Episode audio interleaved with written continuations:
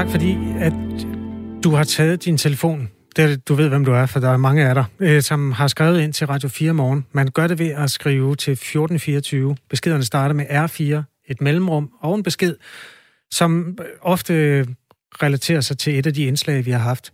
Vi har haft to interviews, hvor der var forholdsvis god fart på her før nyhederne. Først var det Mads Palsvig, der har alternative coronateorier og står i spidsen for JFK, er det det, hans parti hedder? JFK 21, Jorden, Frihed, Folkepartiet, Jorden, Frihed, Kundskab.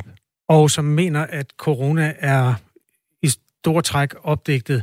Ja. Senere talte vi med Erling Bonnesen, som er øh, fødevareordfører hos partiet Venstre, om Venstres kovending i forhold til mink.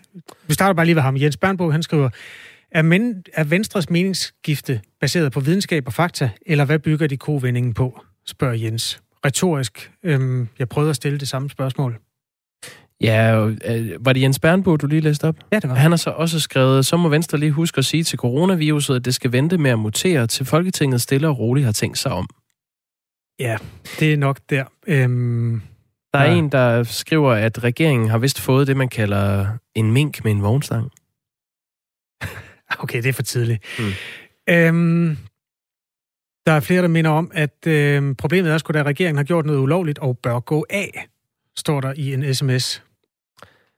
Øh... Og det skal jo undersøges, Jacob. Øh, I virkeligheden, hvad stod der i det brev til minkavlerne? Stod der, vi anbefaler, eller vi beder jer om, eller stod der, du skal? Ej, det øh, står rimelig klart, at det øh, skal de. De skal aflive deres øh, dyr. Det står faktisk mere end 30 gange. Øh, Ekstrabladet har lavet en optælling. Øh, vi har et interview med Anders øh, Kronborg fra Socialdemokratiet. Han er øh, dyrevelfærd- og fødevareordfører fra regeringspartiet, og han er på kl. 8.34. Og jeg vil sige, hvis du ikke er mødt på arbejde inden da, så lyt med.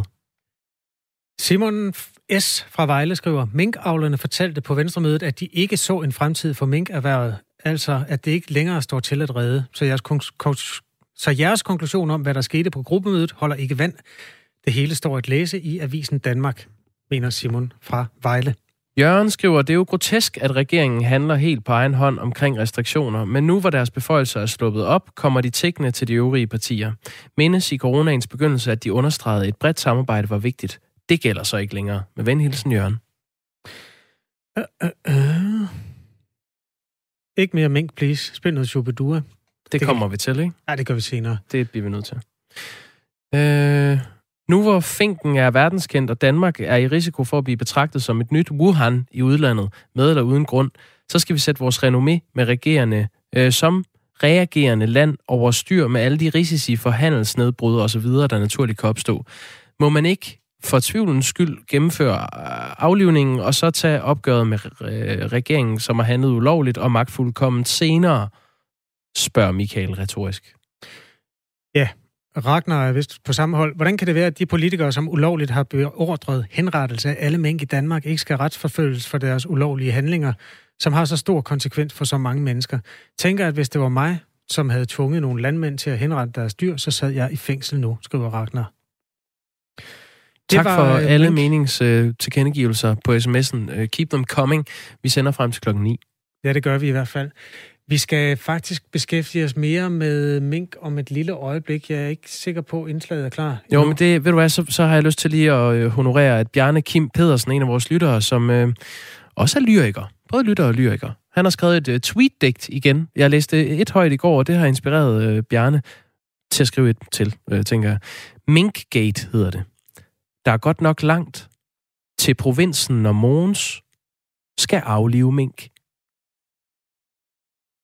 Det er ligesom et digt gør tingene mere spiselige, men øh, det er selvfølgelig en kæmpe katastrofe for et erhverv, og måske også en øh, dyreetisk katastrofe.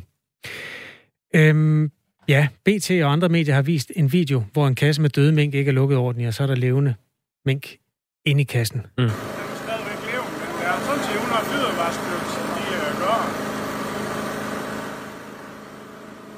Ja, det er, jeg beskriver lige Jamen, det, det der sker er, at øh, man kan se, det, det er close-up filmet nede ved, ved øh, lågen til øh, den her aflivningskasse, hvor minkene bliver gasset. En af minkene, der kigger ud, er så ikke død, øh, og det, der kan man se, de her øh, medarbejdere fra Fødevarestyrelsen, de prøver at knalde låget øh, tilbage, altså få minken ind i kassen med de døde mink, og, og ligesom øh, præsten, og det der sker er, at en af de døde mink får øh, mas sit hoved øh, fuldstændig til ukendelighed, mens den her levende mink, den spræller, og øh, den har det ikke godt. Det, det er meget ubehageligt. Dyrlæge Peter Elbæk Pedersen. Er det hårdt eller blødt det, Peter? Peter? Peder. Peder, godmorgen. Ja, godmorgen. Du underviser minkavlere i, hvordan man afliver mink, og har gjort det i mange år. Og nu har du simpelthen på baggrund af den her video politianmeldt Fødevarestyrelsen. Hvorfor har du det? Jamen netop som du siger, så har jeg selv undervist igennem mange år minkavler i at gøre det her rigtigt og, og ordentligt. Og øh, det jeg ser på den video, det er netop fuldkommen, som jeg prøver at fortælle, at det ikke skal gøres. Øh, det, er, det er jo en aflivning, og det skal gøres øh, hurtigt og, og uden at mængden mærker noget. Og det, det, kan, det kan gøres rigtig fint på den måde, at afliver mængden. Men det her, de der billeder, de, de er så forfærdelige at se. Og øh, øh, nu siger du, det er Fødevarestyrelsens folk, der gør det. Det er jo nogle folk, de er ansat til at gøre det. Men det er Fødevarestyrelsens ansvar, at det sker ja. korrekt, og at øh, loven er, er overholdt. Og det her, det sker, fordi at de, de arbejder under tidspres. Øh, de har nogle øh, deadlines, hvor det bare skal være færdigt. Og det synes jeg er en urimelig måde, urimelig arbejdsbetingelser at skal aflive dyr på. Inden øh, aflivning, af dyr, det, aflivning af dyr, det er ikke akkordarbejde. Så... Nej, men altså, lad os lige prøve at tale om situationens alvor om lidt. Nu starter vi lige med lovteksten, fordi dyreværenslovens allerførste paragraf, den lyder sådan her. Dyr er levende væsener og skal behandles forsvarligt og beskyttes bedst muligt mod smerte, lidelse, angst, varigt men og væsentlige ulempe. Og det er den lov, som du, Peter Elbæk Pedersen, dyrlæge, ja. har anmeldt øh, Fødevarestyrelsen på baggrund af. Ja. Og, og så paragraf 16, mener jeg, det er, som siger, at dyr skal aflives hurtigt og så smertefrit som muligt. Men er du overrasket over, at den lov, den har svært ved at harmonere med, at man skal aflive 14 millioner dyr på én gang? Uh, øh, 14 millioner mængder er rigtig, rigtig mange. Og jeg ved, at de store del af dem bliver aflevet fuldkommen forsvarligt og sådan noget. Og det her, det er noget, der kan ske, men det er noget, der kan ske, når det skal gå så stærkt. Altså, og så ved jeg jo ikke, altså man har, man har fået 100 øh, ind til Danmark for at hjælpe øh, med at gøre det. Og der er mit spørgsmål, hvor meget uddannelse har de? Normalt så skal en minkavler have et dagskursus og bestå en prøve, før man kan få sådan et øh afledningscertifikat. Og øh, har de her mennesker det? det har, har du nogen grund til at betvivle det, at de har den rigtige uddannelse? Øh, jeg ved ikke, hvem der skal uddanne Så skal de have fået den i Rumænien. Det kan godt være, at de har fået det. Jeg, jeg ved det ikke. Så det, det kan jeg selvfølgelig ikke sige, at de ikke har. Det er tilladt for folk at aflive uden det her certifikat, hvis man samtidig gør det sammen med nogen, der har et certifikat. Og på den her video, der siger manden fra Fødevarestyrelsen, vi kan jo ikke være her hele tiden. Det var faktisk det, jeg reagerede på. Fordi det synes jeg, de har pligt til. Der er lavet et tempotillæg på 20 kroner per mink. Det er simpelthen et tillæg, som minkavlerne kan få, hvis de skynder sig at få slået deres besætning ihjel inden for 10 dage. Hvordan ja. har du det med det, at der er en, en, et incitament til, at det skal gå rigtig stærkt? Jamen, da jeg hørte, at det kom, der skrev jeg et brev til min forening, dyrlægeforeningen, og bad dem om at, at lave en udtalelse og sige, at, at hvor, jeg, hvor jeg frygtede, at det her det kunne ske, fordi det skulle gå stærkt. Så, så det, det er faktisk det var forudsigeligt. Når man, når man laver sådan en, en, et, et hastværk, og endda giver penge for, at det skal gå hurtigt, så kan, så kan det ikke undgå, at det sker. Men ved du, hvorfor det skal gå hurtigt? Det er jo fordi, at man frygter, at det er en farlig sygdom, som kan mutere og gøre, klart. at man ikke er i stand til at vaccinere befolkningen mod covid-19. Det er helt klart, at det skal, de skal også aflives. Men så kan jeg kun lige nævne, at de, de første besætninger, der gik 3-4 uger inden at de blev aflivet. Der, kunne man, der, kunne man, der skulle man have været meget hurtigere for dem aflivet med det samme. Så fordi det her, der, de går måske fem dage mere, det tror jeg ikke er den store øh, risiko. Og som alle ved, så har man ikke fundet det her virus endnu nu siden 19. september. Det kan godt være, at det er det derude, men det er i hvert fald ikke det, der som er spredt ud over det hele. DACA, øh, står for afhentningen af de døde mink. Øh, det er en virksomhed, og der oplyser marketings- og PR-ansvarlig øh, Søren Mor Jensen til TV2 Nord, at der er blevet indsat mænd med jagttegn til at stå ved containerne, klar til at skyde levende mink med salonrifler, hvis det endnu ikke skulle ske, at en, øh, altså hvis det skulle ske igen, at en aflivning øh, går øh, galt på den måde. Hvad, hvad tænker du om det? Jamen, jeg har selv i samme... Øh, det er også det, jeg skriver i min anmeldelse. Jeg har selv modtaget video, hvor jeg ser levende mink løbe øh, rundt i affaldsstykkerne på forbrændingsanstalt. Det er jo ikke rimeligt. Det er også bare tegn på, at det er gået for stærkt. Det er jo ikke rimeligt, at når, de, altså, at når man regner med det, at det er aflivede dyr, mm. og hælder dem ud, i- ud i nogle containere, at så efterfølgende, så begynder der at kravle dyr rundt. Det er, det er ikke fair over for dyrene. Dyrlæge Peder Elbæk Pedersen, bare lige til allersidst. Hvad vil du allerhelst have, at der kommer ud af det her? Det kan jo ende med, at en eller anden øh, kontorchef får en bøde eller sådan noget. Vil, vil det hjælpe for dig? Eller hvad, hvad er det, du håber? Fordi de her dyr, de skal jo slås ihjel i en fart alligevel. Ja, det er mit største ønske, det er, at politikerne eller fødevarestyrelsen siger, at vi har brug for mere tid. I får en uge mere. Det vil hjælpe så utrolig meget på den her situation. Og et eller andet sted, det er jo ikke Fødevarestyrelsen, der går efter. Det er faktisk, egentlig så var det Mogens Jensen, der burde have anvendt. Det er jo ham, der har sat, altså det er jo ham, der har det øverste ansvar for det her. Tak fordi du var med, Peder Elbæk Pedersen. Velbekomme. Som God altså, dag. ja, tak skal du have i Lige måde. Ja. Som altså både er dyrlæge og i øvrigt øh, underviser minkavler i at aflive mink, og har gjort det i mange år. Traditionen er jo, at man afliver dem en af gangen, og det er så det, eller i hvert fald i færre antal, end det sker i øjeblikket. Det er jo der, hvor interesserne støder sammen. Hvis der på nogen måde er risiko for, at Danmark kan blive epicenter for en ny mutation af corona, hvordan kan nogen så være i tvivl om aflivning af alle mink? De globale konsekvenser er ekstremt meget større end tabet af minkindustri i Danmark, skriver Michael på sms'en. Ina skriver til gengæld, mange levende mink er blevet brændt levende. Ren mishandling. Puha. Ina fra Valby. Det vi ved er, at vi arbejder på at få Socialdemokraterne med. Der er vist nok en ny melding lige nu. Øh, Jeg er simpelthen i tvivl om det. Det er producer Sara skriver, at der øh, er en ny melding angående mink-situationen, og Mogens Jensen, øh, om han kommer hos os eller ikke, det, det skal vi nok få samlet tråden omkring. Det finder vi ud af.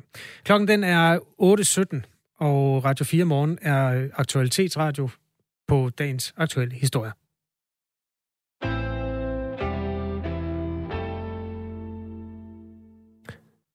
Jeg er simpelthen i tvivl om, øh, hvad, hvad den nye melding fra øh, Mogens Jensen, fødevareminister, betyder for fortællelsen Radio 4 morgen her til morgen.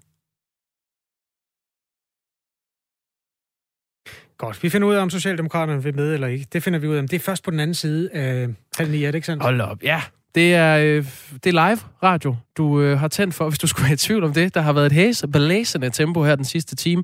Og øh, kunne det ikke være rart med en lille quiz? Jo, det er altid godt. Ja. Kan man vinde noget? Øh, ja, det skulle jeg jo lige have... Du kan vinde fadøl. det vil jeg gerne. Nu skal du høre. Joe Biden, øh, ny præsident i USA. Nah. Allerede President, der. president elect. ikke? Ja, kommende præsident, hvis man øh, abonnerer på øh, den fortælling. Men Ja. han er i hvert fald blevet udråbt af, øh, øh, ja, Ja. Gud at være mand. Det, jeg gerne vil kviste i, det er, hvilke statsledere har endnu ikke lykønsket Joe Biden? Det er en god quiz. Det, du skal tænke over, det er, øh, hvis der er en her i Vesten, vi ikke er så glad for at lege med, så er øh, han nok på listen. Og jeg siger han, fordi der er kun mænd på listen. Så allerede der har jeg hjulpet dig lidt. Så nævner du en statsleder, så skal jeg fortælle dig, om det er rigtigt. Der er ni markante skikkelser øh, i øjnefaldende internationale figurer, som endnu ikke har lykønsket Joe Biden med, at øh, han har vundet præsidentvalget. Du skal have fem. Okay, og jeg vil lige sige, at jeg er snydt lidt, fordi jeg så en overskrift med, at kineserne ikke har sagt det. Det er rigtigt. Xi Jinping. Eller Ja. Hvad, ja, godt. godt. Han- Han, den han vil jeg er ikke point for. Nej. Okay, Nå, men så, er du, så skal du have, så er der otte, du skal stadig have fem. Lukashenko. Nej. Er ikke på listen? Alexander Lukashenko, altså manden, der mener, at man øh, får det bedst, hvis man har corona, så skal man bare gå ud i marken og drikke noget vodka. Ja. Nej, Han har ham. sagt tillykke. Godt. Det, det skulle han have gjort. øhm, Eller også er han ikke markant nok til at komme ind på den her liste. Nå, men, øh, det er jo selvfølgelig svært. Kim Jong-un. Korrekt. Tak. Kim Jong-un har endnu ikke øh, sagt noget. Øh, han har til gengæld... Øh, Biden har beskrevet øh, Kim Jong-un som en bølle, øh, siger, han ikke er interesseret i at have noget som helst at gøre med Kim Jong-un. Den nordkoreanske leder har så kaldt øh, Biden for et fjols med lav IQ. ja. Det var en. To med øh, Xi Jinping. Uh, den er svær. Den er simpelthen så svær. Jeg tror, ja. vi skal til Syrien. Oh, det, var, øh, det tror jeg faktisk heller ikke, at uh, Assad har haft tid til lige at lykønske Joe Biden. Men han er ikke på listen. Så jeg mangler simpelthen hele syv indtil videre. Ja. Det kan godt være, Og det er mandlige statsledere. Nej, jeg skal nok, jeg skal Ja, nok ja, komme. ja. Boris Johnson. Nej, han har. Nej, han har. Han ja. har. Øhm. Åh, hvem kender vi? Hvem kender Hvor er vi? man kendt for at skære en øh, journalist i småstykker, hvis han er lidt træls? Tyrkiet! Erdogan! Nej, nej, det er Saudi-Arabien. Ja. skyld. øh, altså, den saudiske kronprins Mohammed bin Salman, han har ikke lykønsket Joe Biden endnu. Har Erdogan? Øh, det, Han er heller ikke på det, listen. det, tror jeg ikke, men han er heller ikke på listen. Det er selvfølgelig det er lidt en... Øh, en ja, Ved du hvad, jeg gider ikke have den fadøl. Du læser bare svarene op. Lad os høre. Øh, Jair Bolsonaro, den brasilianske udgave ja, af Donald Trump, har heller ikke lykønsket. Øh, Vladimir Putin, Nå, nej, det er klart. heller ikke. Øh, så er der Sloveniens premierminister og Estlands øh, indrigsminister. De er sådan lidt mere kedelige, men de er også meget kulørte. Øh, Benjamin Netanyahu. Han har gjort det på en lidt elegant måde. Han har bare sagt, øh, jeg vil gerne åbne med hilsner til Joe Biden og Kamala Harris. I næsten 40 år har jeg haft et personligt langt og varmt forhold til Joe Biden, og jeg kender ham som en stor ven af staten Israel. Men han undgår behendigt at lykønske president-elect. Mm. Og det bliver der så... Øh, altså, det, det ville man normalt gøre, hvis man som øh, overhovedet i Israel skulle lykønske en præsident. Anyway, du, Ja, du skylder okay. mig en øl. Nå, jeg kunne ikke bare vinde en øl, jeg kunne også tabe en øl. Ja, nej, det fik jeg ikke sagt. Nej, det gjorde der ikke. Klokken den er 8.22. Øh, Radio 4 Morgen er på sporet af sidste udvikling i Minkgate, og det var sådan set i den egenskab, at vi lige trådte vande et øjeblik, og måske trak vejret. Det har været lidt hæsblæsende. Vi har også været ombord i nogle af de kontroversielle coronateorier, og øh, ja, der, der er kog i gryden. Vi tager lige sms'erne på den anden side af klokken helt. En lytter skriver, har vores egen leder lykønsket Biden? Ja. Mette Frederiksen? Ja. Okay.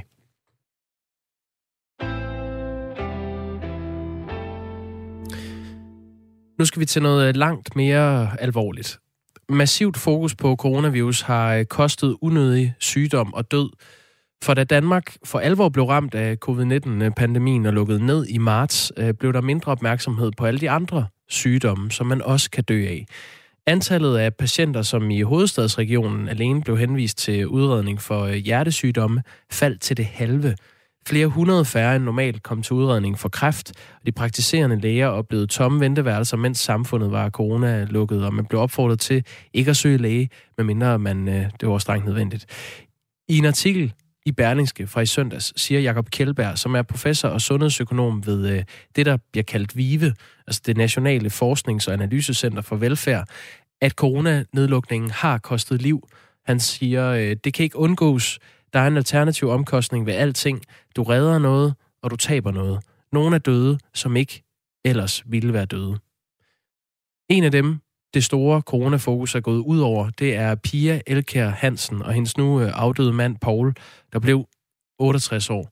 Han døde i marts af akut meningitis, efter både vagtlæge og egen personlig læge afviste at se ham for at undgå coronasmitte. Det skriver BT, som har fået agtindsigt i alarmopkaldene og har gennemgået hele forløbet med Pauls efterladte hustru, altså 63-årige Pia Elkær Hansen fra Tavlov syd for Fredericia, øh, Fredericia, ægtefælle og kæreste gennem øh, 46 år til Paul Henning Hansen.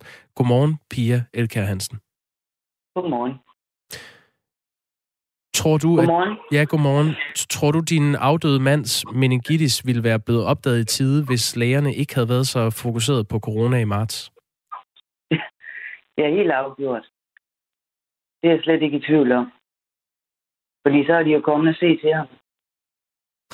Og det var der jo ingen, der ville. Nej, og det er det forløb, vi lige skal rise op her, øh, Pia Elkær Hansen, og det, det, det gør jeg lige for lytternes skyld. Øh, Du er velkommen ja. Til at, at byde ind undervejs, men vi tager lige øh, forløbet, som det var. Altså, meningitis har ikke noget med covid-19 at gøre. Øh, Det er en betændelse i hjernehinderne, som kan komme i løbet af meget kort tid, og de væsentligste symptomer er hovedpine, nakkestivhed og feber. Det er en sjælden, men alvorlig, meget alvorlig sygdom, hvor hurtig behandling er øh, alt afgørende. Og det var altså på den måde en alvorlig sygdom, som flere læger overså, da Paul Henning Hansen ringede efter hjælp. Øhm, nu gennemgår vi lige det her sygdomsforløb og de alarmopkald, som BT er kommet i besiddelse af, og som vi så har fået lov til at spille her i radioen. Lyden er ikke så god, øh, så man skal lige spidse ører i forhold til, hvad, hvad der bliver sagt. Øh, søndag den 21. marts, der ringede Paul Henning Hansen til vagtlægen, da han i et døgns tid havde haft øh, feber og ondt i nakken, og det lød sådan her. Goddag. Jeg har simpelthen så ondt i min nakke. Ja. Jeg kan slet ikke gå ud, øh, dreje ud eller noget. Nej. Hvor længe har du haft det? Jamen, det er sgu komme med lige øh, sidst på dagen. Det blev syv timer. Ja. I formiddagsdag øh, simpelthen så ondt i ryggen, men det er så god væk. Ja. Hvad, har du lavet noget specielt? Øh, det Nej, du har ikke slået dig noget, vel? Nej, det synes jeg sgu ikke. Nej, har du feber? Ja, Aarhus, Aarhus. Okay. Jeg er 39 i formiddag. Jeg har simpelthen Paul Henning Hansen forklarer her meget tydeligt, at han øh, virkelig havde det dårligt, og han knap nok kunne gå, og han var sikker på, at, øh, at det ikke var corona. Og vagtlægen gav ham ret i, at han øh, næppe var blevet smittet med coronavirus, men anbefalede ham så øh, alligevel bare smertestillende medicin. Her kommer et øh, kort klip mere. Det er ikke med det corona, det er jo Ja, det, det, vil være usandt, det vil være usandsynligt, men vi er jo ikke meget for at se på det, som det er lige som det her, det er her, vel? Øh, så derfor synes jeg, at vi skal prøve at spadskille, øh, og så vi ikke komme natten igennem med det, så prøve rigtig nej læge i morgen, det er går fremad, ikke? Og så må han vurdere, om det skal sige. Ja, vi, er ikke, vi er ikke meget for at se dig. Øh, du må tage noget smertestillende, og så ringe til din egen læge i morgen, for, øh, for han er videre af vagtlægen. Og mandagen ringer Paul Henning Hansen så til klinikken, lægerne i Tavlov, hvor hans egen læge, Stig Bertelsen, holder til.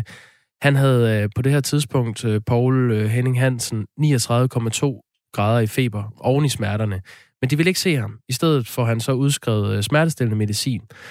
Onsdag mister han så meget bevidsthed, at uh, Pia Elkær Hansen, som stadig er på en linje, ringede til vagtlægen. Og uh, her skulle det tage hende godt 10 minutter at overtale vagtlægen til at sende en ambulance. Han simpelthen har så ondt op i hans nat, og hans skulder og de der knolde, der sidder om bag på hovedet. Ja. Jeg tror fandme, han har hvad hedder det, lungebetændelse. Han kaster op, og det står ud af ham, og han hoster, han hoster. Nu sidder han inde i stolen, han er helt apatisk, jeg tager ind, han kontakt med ham. Men han hoster simpelthen, så huset skal lige vil vælte. Og det står bare ud af ham. Jeg kan ikke komme i kontakt med ham. Ja, ni minutter senere lyder meldingen så endelig sådan her for uh, Pia Elke Hansen så, øh, så øh, bestilte en ambulance, og så bliver han kørt til Kolding i frem, ikke også? Og de kommer jo lidt med masker på, øh, når, nu, når han hoster, ikke også? I forhold til... Øh, og, øh, og hvis der skulle blive noget i mellemtiden, inden ambulancen kommer, så ringer 112, for han er registreret derinde med dem, ikke også? Paul Henning Hansen bliver testet tre gange for coronavirus. Med alle prøvesvar negative, så får han konstateret meningitis og bliver lagt i respirator, men står ikke til at redde, og respiratoren bliver så øh, slukket natten til lørdag. Og det øh, har du klaget over det her til Styrelsen for Patientsikkerhed og Patienterstatningen øh, over den behandling, jeg har fået af lægerne, Pia Elke Hansen. Du er stadig med os. Hvordan er det at genhøre de her optagelser? Jamen, jeg har jo hørt det mange gange, for jeg fatter jo stadigvæk ikke, at de kommer og hjælper os. Nej, det kan jeg godt forstå. Hvad, nu, nu er du stået frem i BT og har fortalt om din øh, mands sygdomsforløb. Hvorfor er du gået i pressen med den her historie? Fordi jeg håber på, at jeg med min dårlige historie kan hjælpe andre i Danmark. Det kan være dig, men det kan også være mig, der ikke får hjælpen på rette tidspunkt. Det er så væsentligt, at de får den hjælp, de skal have, når de ringer efter hjælp. Og vi, vi kan jo sige, at øh, altså din, øh, din afdøde mands øh, egen læge, Stig Bertelsen, som jeg nævnte før, øh, ifølge BT har han erkendt, at der er sket en fejl, og han siger til avisen, at han havde helt klart undersøgt og forhåbentlig indlagt øh, Paul Henning Hansen, hvis øh, han havde tilset ham. Øh, Pia Elke Hansen, hvad, hvad er vejen videre for dig nu? Ja, det ved jeg snart ikke. Vi skal prøve at leve en normal hverdag med mine børn. Selvom det er svært. Det er klart. Det er et stort hul. Der er en, der mangler. Og det er både for børn og børnebørn. Og mig selv ikke mindst. Ikke også? Mm. Det gør mig meget Men jeg håber, at, at de bliver hørt, når folk ringer ind, at vi så pokker få noget hjælp. Det nu bliver der mange, der lærer noget af den her historie. Pia Elke Hansen. Også ja. de myndigheder, der øh, sørger for, at øh, tingene går, som de skal, når man ringer efter, øhm, efter ja. alarm. Tak fordi du var med hos os. Ja, selv tak. Ja, tak for det. Vi giver øh, ordet til Thomas Sand. Klokken er halv ni.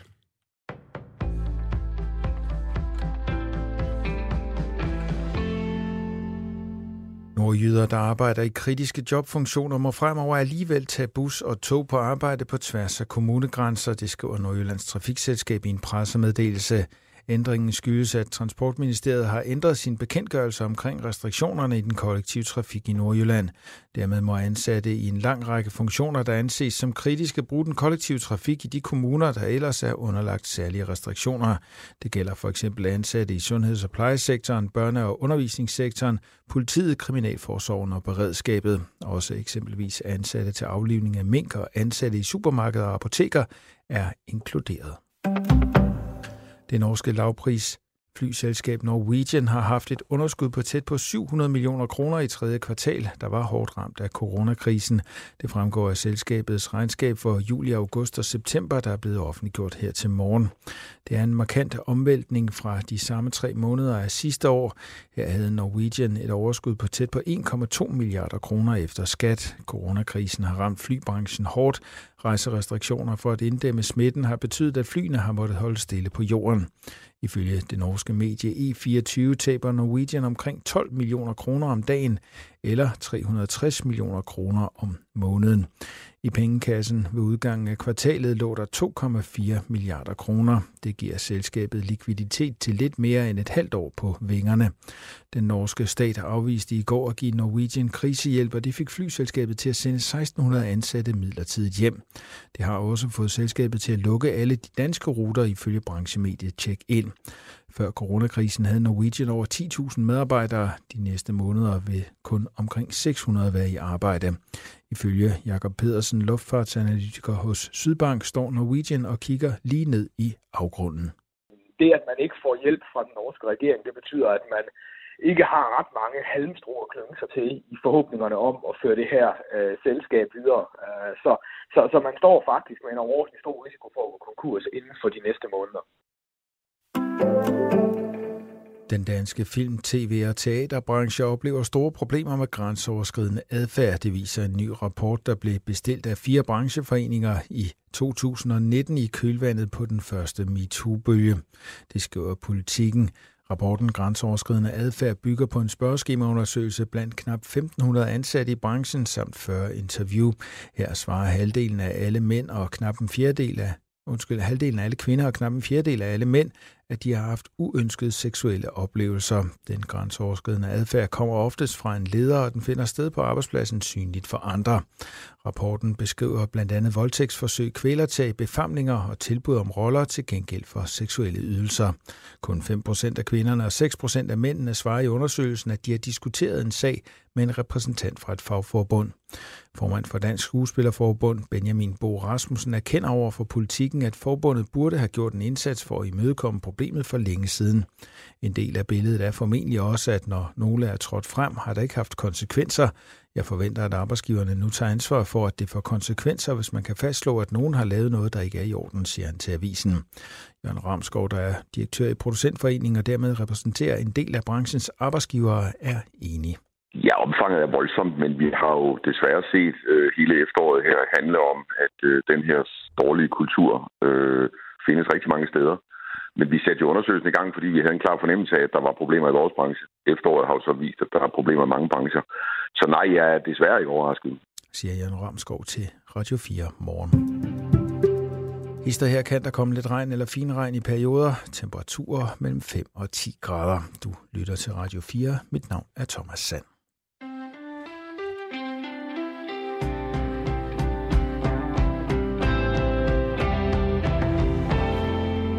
Det er så skrækkeligt med lægevagtens øh, svigt, skriver Mia og fortsætter. Jeg var selv ude for det samme med min datter, da hun var 9 år, og hun kan heldigvis fejre 30 år om en måned, og det er kun fordi jeg sagde til lægevagten, jeg kan ikke tage ansvar for dette. De vidste godt, jeg var uddannet i sygeplejen. Det er kun, øh, der er kun én ting i disse tvivlstilfælde. Tag på skadestuen. Der må de ikke afvise syge. Så skriver hun så, hver gang der bliver talt om meningitis, så kommer min egen oplevelse af lægevagten op igen. Sådan et unødvendigt traume, og det er 21 år siden, jeg kæmpede for min 9-årige datter. Totalt sygt, at lægevagten fejler så ofte. Det her det er Radio 4 morgen. En reaktion altså på historien om uh, manden, der ikke blev taget alvorligt, da han ringede med et ellers klart symptom på meningitis, nemlig stivhed i nakken, og endte med at dø af det. Det er jo en af coronaens indtil videre ikke så registrerede følgevirkninger, at uh, lægevagten og i det hele taget sundhedssystemet har hænderne fulde, og derfor overser nogle af de andre sygdomme. Ja, Øh, Steve skriver, Mink-sagen, epidemiloven og tilfældet som ham, der døde af meningitis på grund af en virus, der næsten ikke dræber. Hvis man ikke vidste bedre, skulle man tro, at de fortalte om det gamle DDR. Der var et yndigt land, skriver Steve. Skal vi tage dagens coronatal? Det kan vi gøre.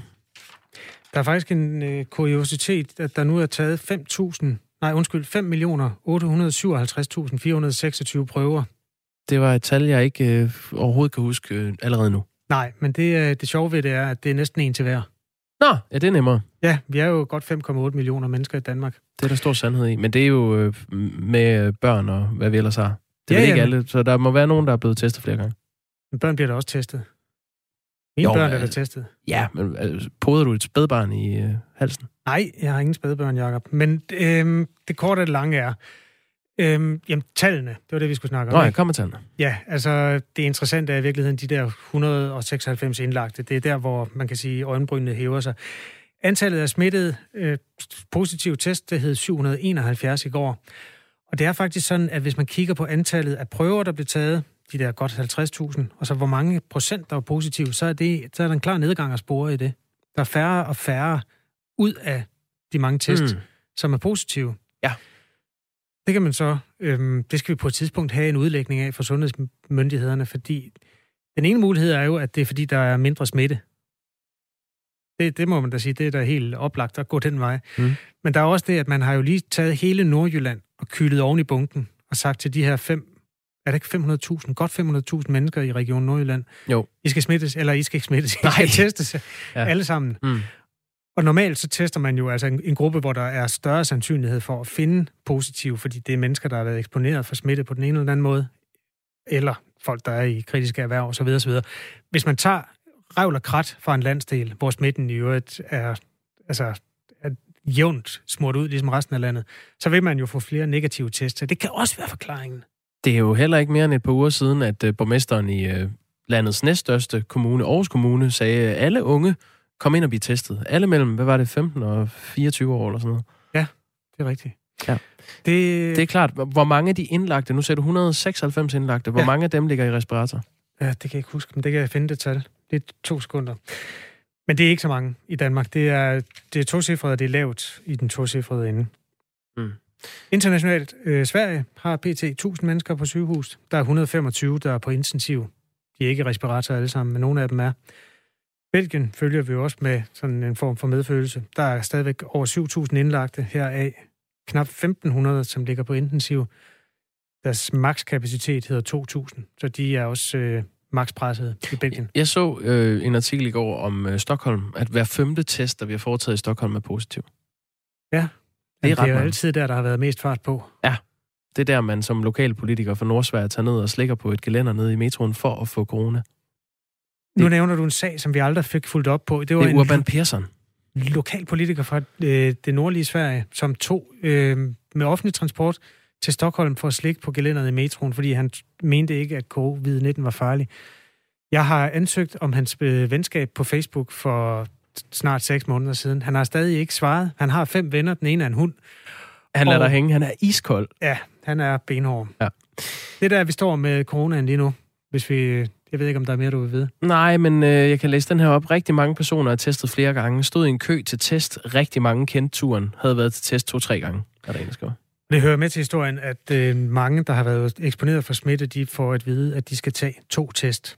Jeg har i virkeligheden i mit eget private hjem haft min 17-årige datter i karantæne, fordi hun var i en gymnasieklasse, hvor jeg tror, der er seks eller syv eller sådan noget, der er smittet. Mm. Og hun er siddet ved siden af en af dem. Så vi måtte lige holde hende inde på værelset, hvilket ikke er særlig banebrydende med en teenager. Da er de sådan ret first mover-agtige. Jeg tror, det er tre år siden, hun gik i karantæne. Men øh, det nye er jo, at man skal smide maden derind øh, og skynde sig ud igen. Og når hun skal på toilet og så videre, så skal hun have maske på og spritte af og sådan noget. Det har været en lidt nederen fase, for at sige det som det er. Men den er altså overstået nu. Hun har klikket negativ. Ja, og det er meget glædeligt. Men altså, du siger det selv, 2020, en nederen fase. Kan vi ikke godt... jo, det er årets, årets overskrift. Uh, vi taler meget om mink, vi taler meget om corona. Det er vigtigt, det hele, og det udvikler sig hele tiden, bare fra at vi gik i gang klokken 6 i morges. Men nogle gange, så skal man lige trække vejret, og så skal man kigge bagud og dykke ned i gamle sager, og det er det, vi øh, skal til nu. Vi skal nemlig tilbage til den udbytteskandale, som er blevet kaldt Danmarks historiens største svindelsag.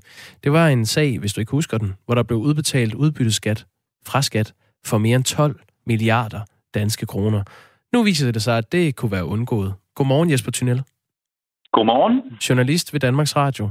Det er dig, der har gravet de her nye øh, oplysninger frem. Kunne sagen reelt have været undgået? Det skal jeg ikke afgøre, men jeg har talt med embedsmænd i Skatteministeriets departement, der mener det, og øh, efterfølgende har vi også lavet interview med Skats tidligere direktør Ole Kær og Skats tidligere departementchef, øh, eller Skatteministeriets tidligere departementchef Peter Loft, der begge mener, at man formentlig kunne have undgået det, hvis man havde indført en, øh, en, et krav om, at aktionærer skulle afgive deres navn, således at man kunne se, hvem der får udbetalt og tjener penge på danske aktier. Og Jesper Thunel, hvis vi lige tager et skridt tilbage, hvad er det så for nogle oplysninger, du har gravet frem og præsenteret i den her øh, dokumentar, du har lavet til P1, der hedder De Hemmelige Aktionærer? Altså, der sidder en undersøgelseskommission og undersøger sagen lige nu, men den har kun pålæg om at kigge på tiden fra 2010 og frem, og den fokuserer derfor primært på 2010 og frem. Jeg har gået 10 år længere tilbage i tiden, og der har jeg været i stand til at øh, få adgang til dokumenter, der viser, at medarbejdere i skat øh, allerede i midten af nullerne øh, skriver, vi udbetaler øh, refusion af udbytteskat i blinde. Politikerne bør gøre sig opmærksom på, at der er tale om en reel trussel øh, mod det danske skattesystem, og skriver, at de mener, at mange refusioner bliver udbetalt på et falsk grundlag. Og øh, herfra så går de så i gang med at forsøge at få lov til at lukke hullerne i systemet, men møder en række former for modstand, og det er det, man så kan høre om i vores øh, 6 timer lange podcast-serie om øh, alle deres forsøg, og hvad der, hvilke hensyn, der gør, at de ikke får deres øh, løsningsforslag igennem. Helt kort, øh, Jesper Tunnel, så handler udbytteskandalen jo om, om man skal betale skat af det udbytte, man får for sine aktier. Altså udlandske aktiehandlere kan så bede skat øh, om at, at tilbagebetale den udbytteskat, de har betalt, så de kan betale skat af deres aktier i deres eget land. Problemet opstår så, når øh, svindlere får udbetalt penge for aktier, de ikke har. Og det er det hul, som svindlerne har, har udnyttet. Altså, hvis det her det kunne være undgået, og det blev tryk, der blev trykket på advarselsknapperne øh, på et tidligt tidspunkt, hvorfor blev der så ikke gjort noget? Jeg kan se øh, af papirerne og de mennesker, og det er mange, jeg har talt med, at øh, der er en række hensyn, der gør sig gældende. Men det hovedhensynet er hensyn til bankerne og hensynet til investorerne. Altså i en periode, der vil man ikke fra den daværende regerings side pålægge bankerne flere administrative byrder. Øh, få regeringen har en ambition om at nedbringe de administrative, administrative byrder for erhvervslivet og måler nøje, hvor langt man kommer, så da medarbejderne i skat kommer og siger, at vi kunne godt tænke os at få den der oplysning om, hvem er det egentlig, der får udbetalt aktieudbytte, ind noget før, så vi kan måle det op imod, når der kommer nogen og siger, at de har ret til penge, Øh, så fik de nej i flere år med henvisning til, at øh, det kunne formentlig ikke komme på tale, fordi at man øh, så ville øge de administrative byrder. Herefter så bliver der faktisk lavet en lovændring, der gør det muligt. Øhm, der sker det, at bankerne så siger, det synes vi er en dårlig idé, og opfordrer den daværende skatteminister til ikke at skrive under på den bekendtgørelse, der skulle fremrykke indberetningen. Og da det så, øh, så alligevel sker øh, fire år efter under en ny regering, at man fremrykker indberetningen, ja, så er det så stor en andel af aktierne, der nu ligger i en type depoter, altså omnibus og nominidepoter, hvor aktionærerne er hemmelige for skat, at selvom de får indberettet nogen, så får de ikke indberettet alle. Og derfor kan, hvad hedder det, udbytteskandalen på det tidspunkt øh, finde sted, mener medarbejderne i skat. Men hvem peger pilen på, altså hvis man skal placere ansvaret for det her? Pilen peger på, at der er at tale om en sag, hvis man skulle sætte det på spidsen, så er det måske slet ikke nogen skandalesag.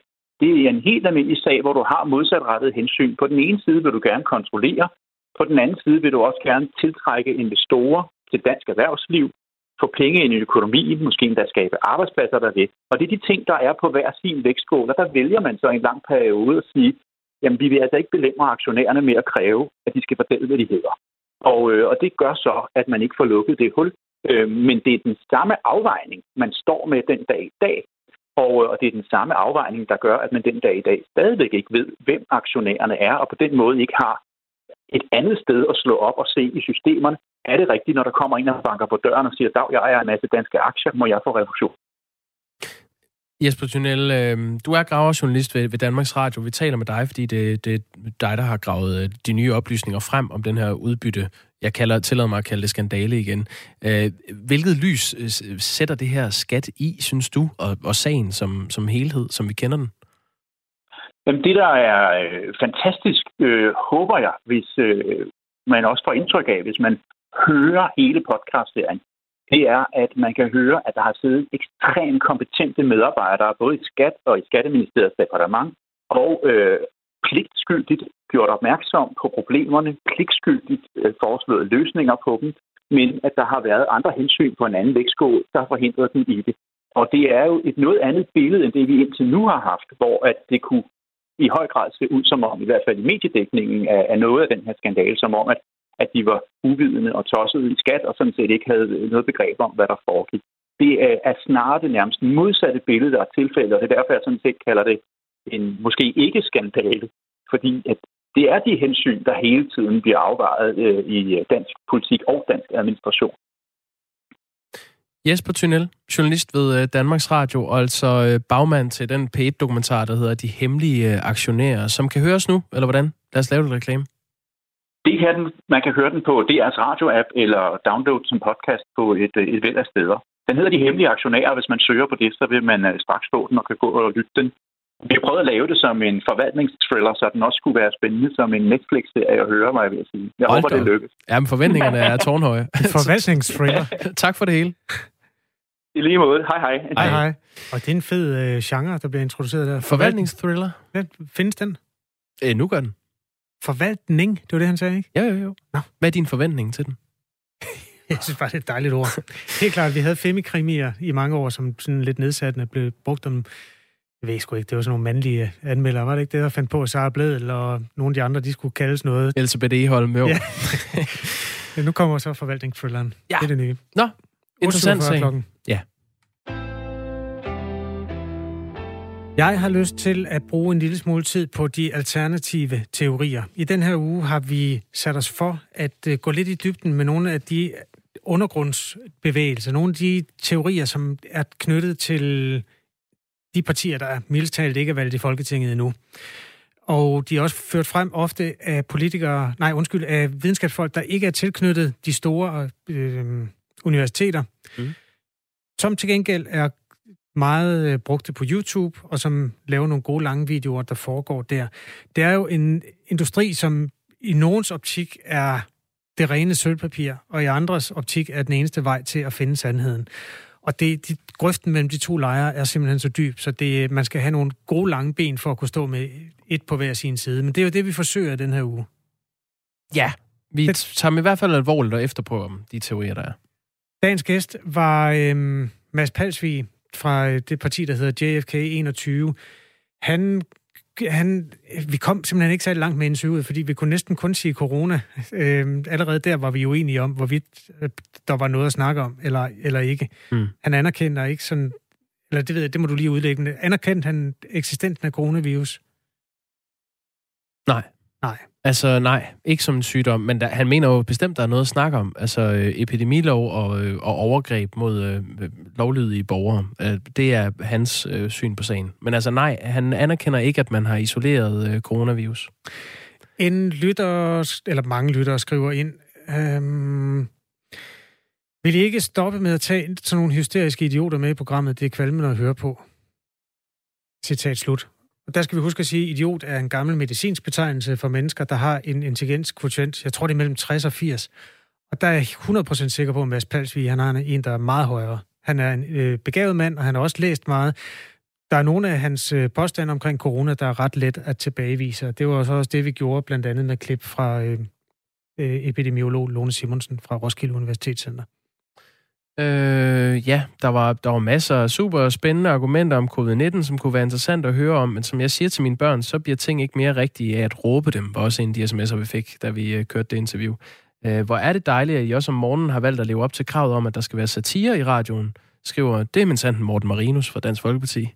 Og tidligere medieordfører. Ja, jamen så overlever vi nok næste medieforlig. Prøv at høre, øh, der er jo ført relativt godt bevis for, at der eksisterer epidemier og pandemier i verdenshistorien. Blandt andet det, der hedder den spanske syge, som er et øh, frygteligt øh, stykke verdenshistorie, som bliver holdt op, når man taler pandemier, og som det helt store skræmmebillede. Der har JFK 21 og Mads Palsvi deres egen teorier. Vi nåede slet ikke til dem i dag, men at det ikke var den spanske syge, altså den her variant af influenza, der slog 50 millioner mennesker ihjel, eller hvad? Der hersker en teori på internettet, som Reuters har faktatjekket, men den går ud på, at øh, USA's Søren Brostrøm, ham der hedder Anthony øh, S. Fauci, at han skulle have lavet et forskningsprojekt, som øh, beskriver, at det folk faktisk blev meget syge af under den spanske syge i 1918, det var, at de gik med masker, altså med mundbind. Jeg sidder sådan set med... Øh... Men lad os bare tage den, for det, det er jo ja, et type... Øh, det, det verserer, det her. De, de her forklaringer bliver jo givet fra mund til mund, og der er jo ikke noget så fedt som at høre et rygte, som man ikke har hørt før. Og derfor er det også glimrende, der er et akværdige medier, der har faktatjekket dem. Læs lige op. Jamen, øh, det jeg kan læse op af her, det er sådan set øh, forskningsartiklen, som jeg har øh, været så øh, øh, grundig at finde frem. Det er hele forskningsartiklen. Jeg har gennemgået den. Mask, altså den er selvfølgelig på engelsk. Ordet mask øh, indgår overhovedet ikke. Altså der står intet om mundbind i den her artikel. Og øh, Reuters har så fundet frem til, at det hele kommer af et tweet.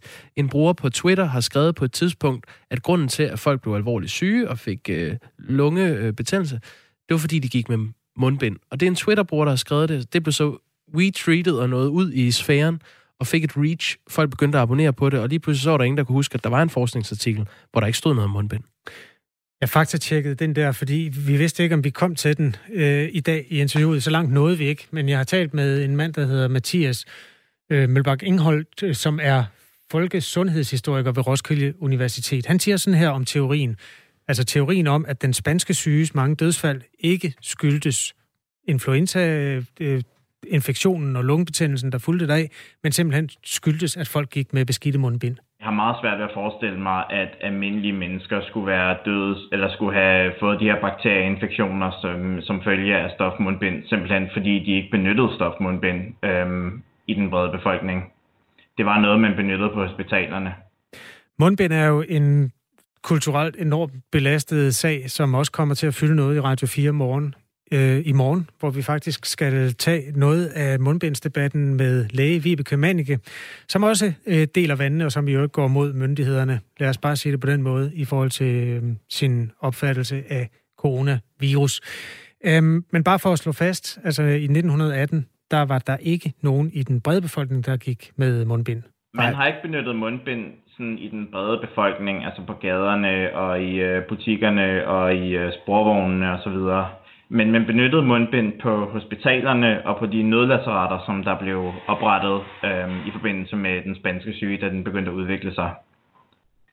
Og der var tale om nogle stofmundbind, så de var slet ikke så raffinerede som de moderne øh, indgangsmundbind, som vi benytter i dag.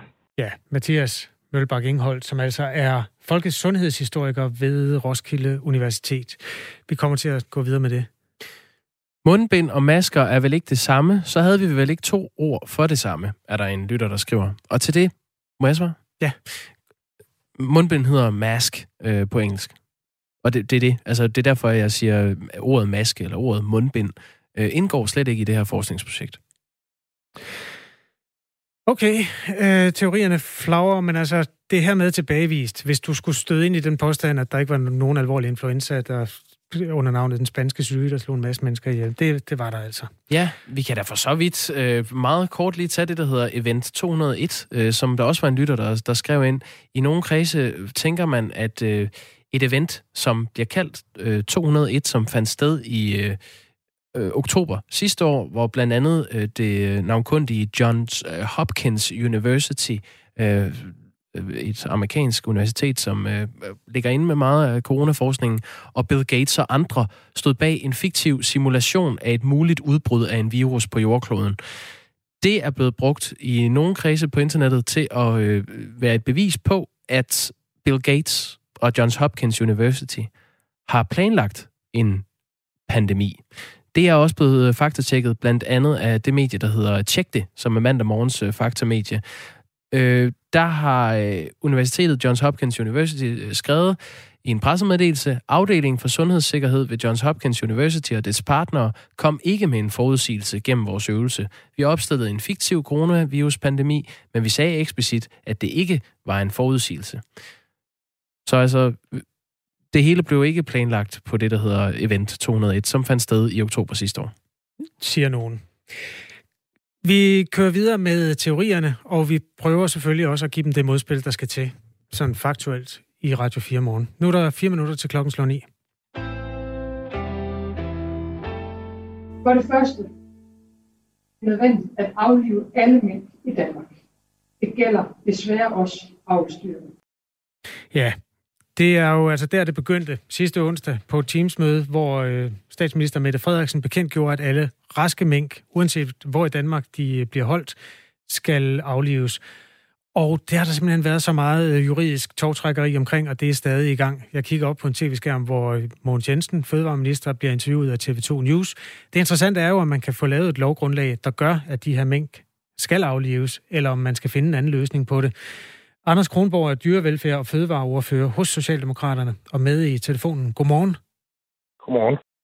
Hvad gør I nu? Hvad er næste skridt for Socialdemokraterne, når I ikke har flertal til sådan en lovgivning? Jamen først vil jeg sige, at øh, det er jo øh, prisværdigt, at øh, minkavlerne de, øh, hjælper til derude i den her meget, meget svære situation, som det er, fordi at vi må ikke glemme, at selvom der i øjeblikket er lidt juridisk togtrækkeri omkring øh, lovhjemmel, det er i sig selv en, en stor ting, men så er det jo endnu større, at øh, pandemien den stadig er i øh, Danmark, og den er ude ved vores mink, og vores sundhedsmyndigheder har været ude og fortælle, at hvis vi ikke gør noget, så kan det true folkesundheden. Det er alvorligt. Mogens mm. Jensen, minister for Fødevare, Fiskeri og Ligestilling, har her til morgen været ude og beklage og sagt, der er sket en fejl. Øh, det forsøger man nu på at rette op. Man ligger sig fladt ned fra Miljø- og Fødevareministeriet og beklager, og så håber vi, at vi kan komme videre. Vi håber at få et flertal til beslutningen om at aflive mink i hele Danmark, og det er altså det, der pt. Er, ikke er lige nu. Det store spørgsmål, hvis man er minkavler og har et antal tusind raske mink, for eksempel i Vestjylland, altså langt fra de smittezoner, sådan, hvor aflivningen gav sig selv, og måske endda er gået i gang med at stoppe aflivningen, hvad skal man så gøre? Øh, hvad er dit bedste råd? Skal man stoppe aflivningen, eller skal man fortsætte? Mit bedste råd, det er, at man øh, lytter til øh, sundhedsmyndighederne i den her meget, meget svære, ulykkelige øh, situation. Det er en øh, farlig virus, der er hos minkene, og det man klart har fået at vide af sundhedsmyndighederne, det er, at den her virus, den kan mutere. Det kan blive en kloster 6, det kan blive en kloster 7, det kan true en kommende vaccine. Hvad skal de gøre, Anders Kronborg? Det kan gå til menneskerne. Så jeg vil, for, jeg vil foreslå dem, at de fortsætter det arbejde, de er i gang med, nemlig aflivning af deres mink, fordi anbefalingen den er så klar for sundhedsmyndighederne. Det nye er så, at det er et forslag. Det er ikke, øh, I skal aflive. Det stod der jo oprindeligt i skrivelsen. Hvad, er, hvad vil I gøre for at kunne lægge lov bag, så det ikke længere er noget, der er op til den enkelte? Det, som øh, ministeren gør for fiskeri, fødevare og ligestilling, det er, at han i dag fremsætter et øh, lovforslag i, øh, i Folketinget.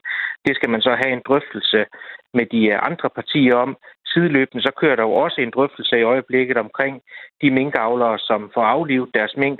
Hvordan kommer de godt igennem den her krise? Fordi vi skal huske, det er jo ikke minkavlernes skyld, at deres mink er blevet smittet med covid-19. Det er en frygtelig tragedie, der mm. har ramt dem. Og de skal selvfølgelig komme godt videre, og det skal samfundet være behjælpelig med, og det er både regeringen, Socialdemokratiet, og det lytter jeg mig også til, at det er en lang række partier i Folketinget villige til at se på en ordentlig måde, hvorpå de skæbner de kan komme godt videre. Godt, så det er altså et oplæg til, at der ikke skal forhandles så meget om prisen, som nogle partier har lagt op til, for eksempel enhedslisten, som vi talte med i går, sådan helt kort. Der var de første øh, indledende møder i går i, øh, i ministeriet, der også fandt møder med branchen, og i den her svære situation, så er det jo vigtigt, at man både lytter til partierne i Folketinget, ja. men, men i særlig grad også lytter til uh, branchen, fordi det er branchen, der bliver berørt af det her. Det er menneskeskæbner. Det får I chancen for i dag, Anders Kronbrud. Undskyld, jeg afbryder dig, men det er simpelthen, fordi klokken er ved at slå helt. Så det, jeg lagde bare op til et ja eller nej, og det var et ja. Og tak, fordi du var med hos Radio 4 morgen. Tusind tak. Ja. Hej. Hej du. Dyrevelfærd og fødevareordfører hos Socialdemokraterne. Blå Blok siger nok nej. Vi har mere om den sag i morgen. Ja, klokken er ni. Ring til du om fem minutter.